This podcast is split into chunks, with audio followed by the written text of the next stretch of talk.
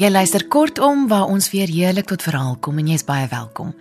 Ons gaan vanaand luister na twee kortverhale uit die pen van PG Du Plessis. Ek het albei stories gekry in die lieflike bundel Het olifante Elmbo. Autobiografiese verdigsels soos bygelieg deur PG Du Plessis en uitgegee deur Tafelberg. Die eerste verhaal wat Waldemar Schultz vanaand vir ons gaan voorlees, is getiteld Saar met die bruin oë.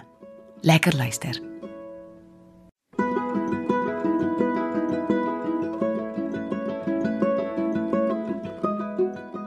Jy kry 'n soort mens wat in die drukste verkeer op hoop van segen af sommer na 'n plek toe sal ry waar elke verstandige mens sal weet daar kan nie parkeerplek wees nie.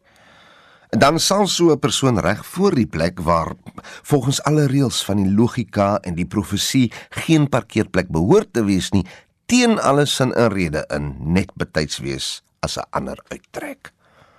En met daardie soort redelose geluk sal die meter ook stukkend wees en sal hy vry en verniet ure lank sy motor kan laat staan sonder dat 'n kaartjie aas voor hom bykom. Dis ook daardie soort ou wat die naaste karretjie in die kettingwinkel sal gryp en die ding se voorwiele sal regloop. Dis nie ek nie. Ek moet ver parkeer. En in supermarkte is daar altyd fout met die voorwiele van die stootkarretjie wat links of regs in die rakke wil inneek of wil vaskop of skreeu of klakke klak of iets. Dit was toe Saterdag, einde van die maand en ek sukkel met pynlike druk op my een arm om die betrokke karretjie te laat draai. Die een wil toe net reguit. Ek sukkel om by Pets Food te draai na waar die kersse lê. En ek wonder of die slim bemarkers van supermarkte nie dalk die goed se voorkant so bevoeter dat klante uit radeloosheid onverantwoordelik begin koop nie.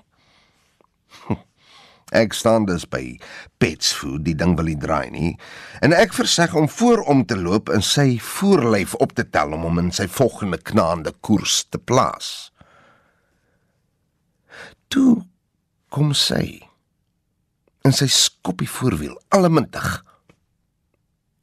ek sê dankie en ek draai. Aan die ander kant skop sy die wiel weer reguit, gangetjie af. Haar oë het die glimlag van oorwinning in hulle. Twee skoppe, 'n presiese draai en reguit maak. Dis 'n merkwaardige skopper, sê ek vir haar. Ja, sê sy met volle aanvaarding van haar kuns. Sy's erns onder 10. Sy het 'n T-hemp en 'n kortbroek aan. Haar knieë is knoppe. Haar kaalpoottone begin rank word. Haar hare is lank en baie swart. Haar oë ook. Sy dra 'n nuwe pop.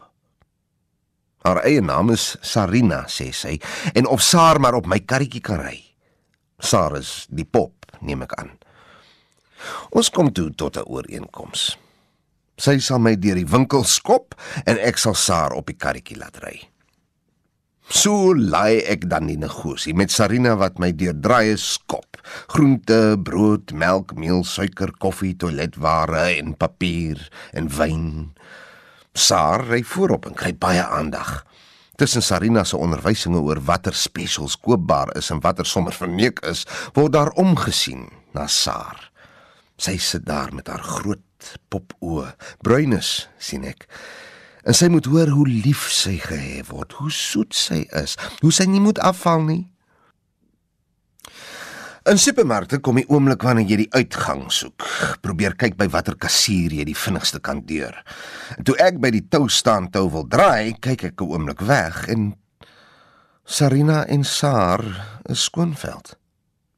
Ek skop my maar self om die laaste draai. Nou is betaaldag die einde van die maand en dan moet ek in elk geval dorp toe. Dit dat ek einde van die maand in kettingwinkels land. Ek klak klak die volgende maand met my trolly deur die rakke toe hulle skielik daar is. Sy plak saar sonder verlof voor op die trolly, vermaan haar tot stil sit, trek die rokkie reg, doen moederlike dinge en daar trek ons. Daar's specials wat ek moet sien. Daar word geredde kavel en gepraat. Tomatiesouse word in mekaar opgeweeg en die voordele word bepraat van baie koffie koop bo min koffie koop. Haar bruin oë is ernstig oor aankope en oor Saar. Ons loop baie draaie deur die winkel. En ek weet ek rek die oggend en die praat omdat Saar en Sarina 'n nabyheid word. En ek dink met stygende opgewondenheid dat sy ook die inkope rek vir die praat in die saamstap. Ek en Saar en Sarina begin deur die onpersoonlikheid van die kettingwinkel beweeg soos mense wat van mekaar hou tot die man kom en Sarina aan die arm gryp en sê: "Is jy alweer hier?" Ek verstaan te laat, want toe hy my vra of ek die pop gaan koop, sê ek: "Nee, dis hare. Dis Sar." Hy wou haar koop, regtig. Hy wou haar koop, sê sy. Toe ruk sy los en haar skraal lyfie met die swart hare bo-op skarrel deur die mense oor die verkooppunt en sy verdwyn. Die winkelman kom terug met Saar in sy hand. Hy maak verskoning. Vertel van die ewige sonde wat hulle met haar het. Sy kom as die plek oorvol is en dan het sy 'n pop wat iemand kamalier wil koop. Speel goed vuil, sê hy. Ek gaan soek haar. Ek wil vir haar sê ek het haar nie verraai nie. Ek het net nie geweet nie. Sy's weg en ek gaan terug verneem.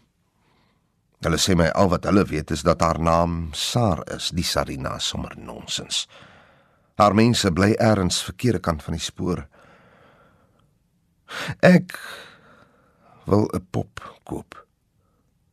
Hulle is verleë en gaan haal self een. Maar disse oë is blou.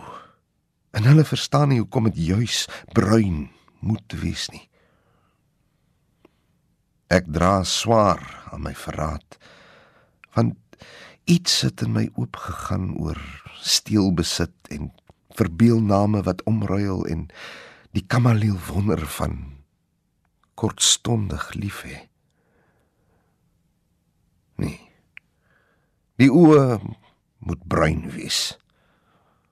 Al was hare bruiner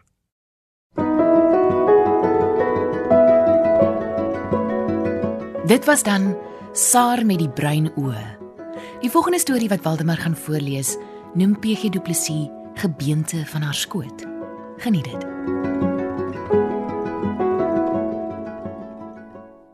Ons droom drome en sien gesigte en ons ontken dit. Ons sê dit nie vir mekaar nie want dis ons geheime lewe. Daar waar ons mooi is, waar ons sterk is, waar ons ongelooflike dinge vermag, Dis waar dramatiese suksesse ons toeval, waar die ondankbares teenoor ons tot dankbaarheid gedwing word, waar die wat ons haat hul druiwe teekom, waar ons die wat ons beledig het hul woorde laat eet en die wat ons nie voldoende gewaardeer het nie laat spyt kry oor hulle onderskatting. Dis die droom wat die adolessente meisie, die een wat pas van die tafel af opgespring het omdat sy veronreg voel, op haar kussing gaan droom van hoe sy dood is en almal berouvol om haar tragiese graf staan. Dis die droom waarin die jong man sy geliefde red uit wrede situasies, waarin die dommes slim word, velkwale verdwyn, spiere in rondinge uit die niet verskyn en verdwyn, waarin reusagtige bedrae ons toeval en ons belangrik is. Dis gek, die drome. Dis totaal onmoontlik. Dis ver van enige waarheid. Dis ander kan nie moontlike. Maar dis nodig in die wêreld met sy harde maniere om jou op jou plek te hou. Dis al self vir die ego wat werk. Want dis waar die 20 voorgee die baan sy verklop in 300 tree dryf. Dis waar jong meisies sal prinse trou en mans sal magtelike madonnas se teerste liefde ervaar. Dis waar ons agterkom wat ons eintlik wou gehad het. Sy dit geld, mag, sukses, roem, totale liefde, skoonheid en groter persoonlike dapperheid as Tarzan. Wonderlik hoe dinge in drome altyd reg uitval vir die dromer. So dramaties reg, so oomblik reg, so effektief reg. Net af en toe praat ons daaroor, net af en toe word een dalk reg waar.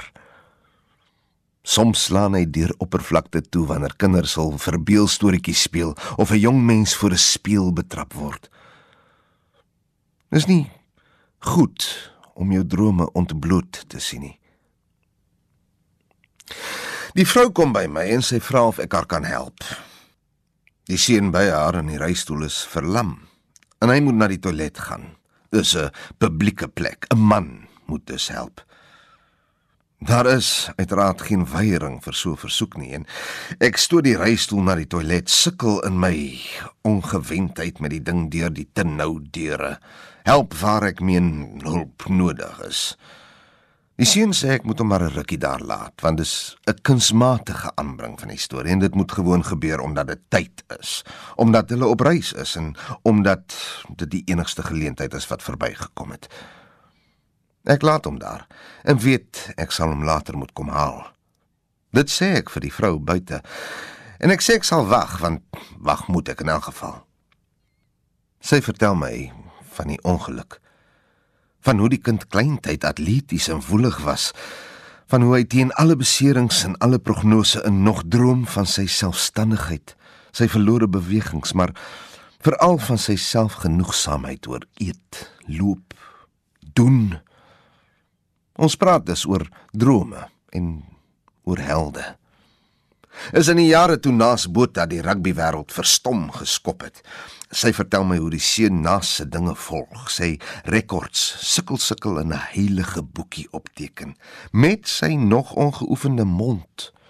Dit was 'n manier om hom weer aan die skryf te kry. Het ek dan nie gesien nie, sê sy, dat hy met 'n tydskrif toilet toe is nie. Ja, sê ek. Ek het dit vir hom by 'n artikel oor Naas Botha oopgemaak. Hy droom dikwels hy speel soos Nas, sê die vrou. Al weet hy seker dit kan tog nooit nie. Ek sê haar drome is maar so.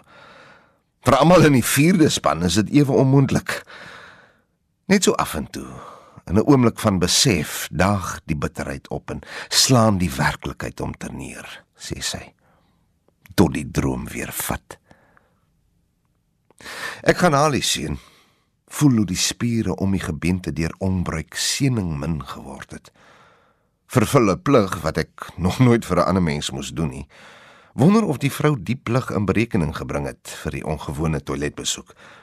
Sy het, want toe ons uitkom, skets sy hul omstandighede en die manier waarop die goeie man wat sou help nie kon kom nie.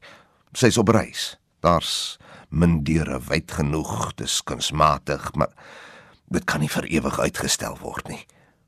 Ek sê is niks. Sy stoot haar seun weg. Voor sy gaan, val daar 'n paar dinge uit haar woorde wat in my vassit. Die wreedste mens wat bestaan, is die wat met onaangename werklikhede tussen ander se redelose drome boer. Helde en drome is reddingsgordels. En sy self droom soms haar seun se naasboota droom vir hom en vir haar. Ek bedink haar waarheid toe sy wegstap agter die reistool met die gebeente van 'n kind voor haar. Opperman se gebeente van haar skoot flits deur my en ook 'n nuwe definisie van die liefde. Om vir 'n ander mooi dinge te droom is dalk die enigste plek waar die liefde onselfsugtig sit. Rondstoot en afvee is plig. Die droom dat hy weer self sal kan regkom, net dalk selfsug by. Die naasdroom moet die liefde wees.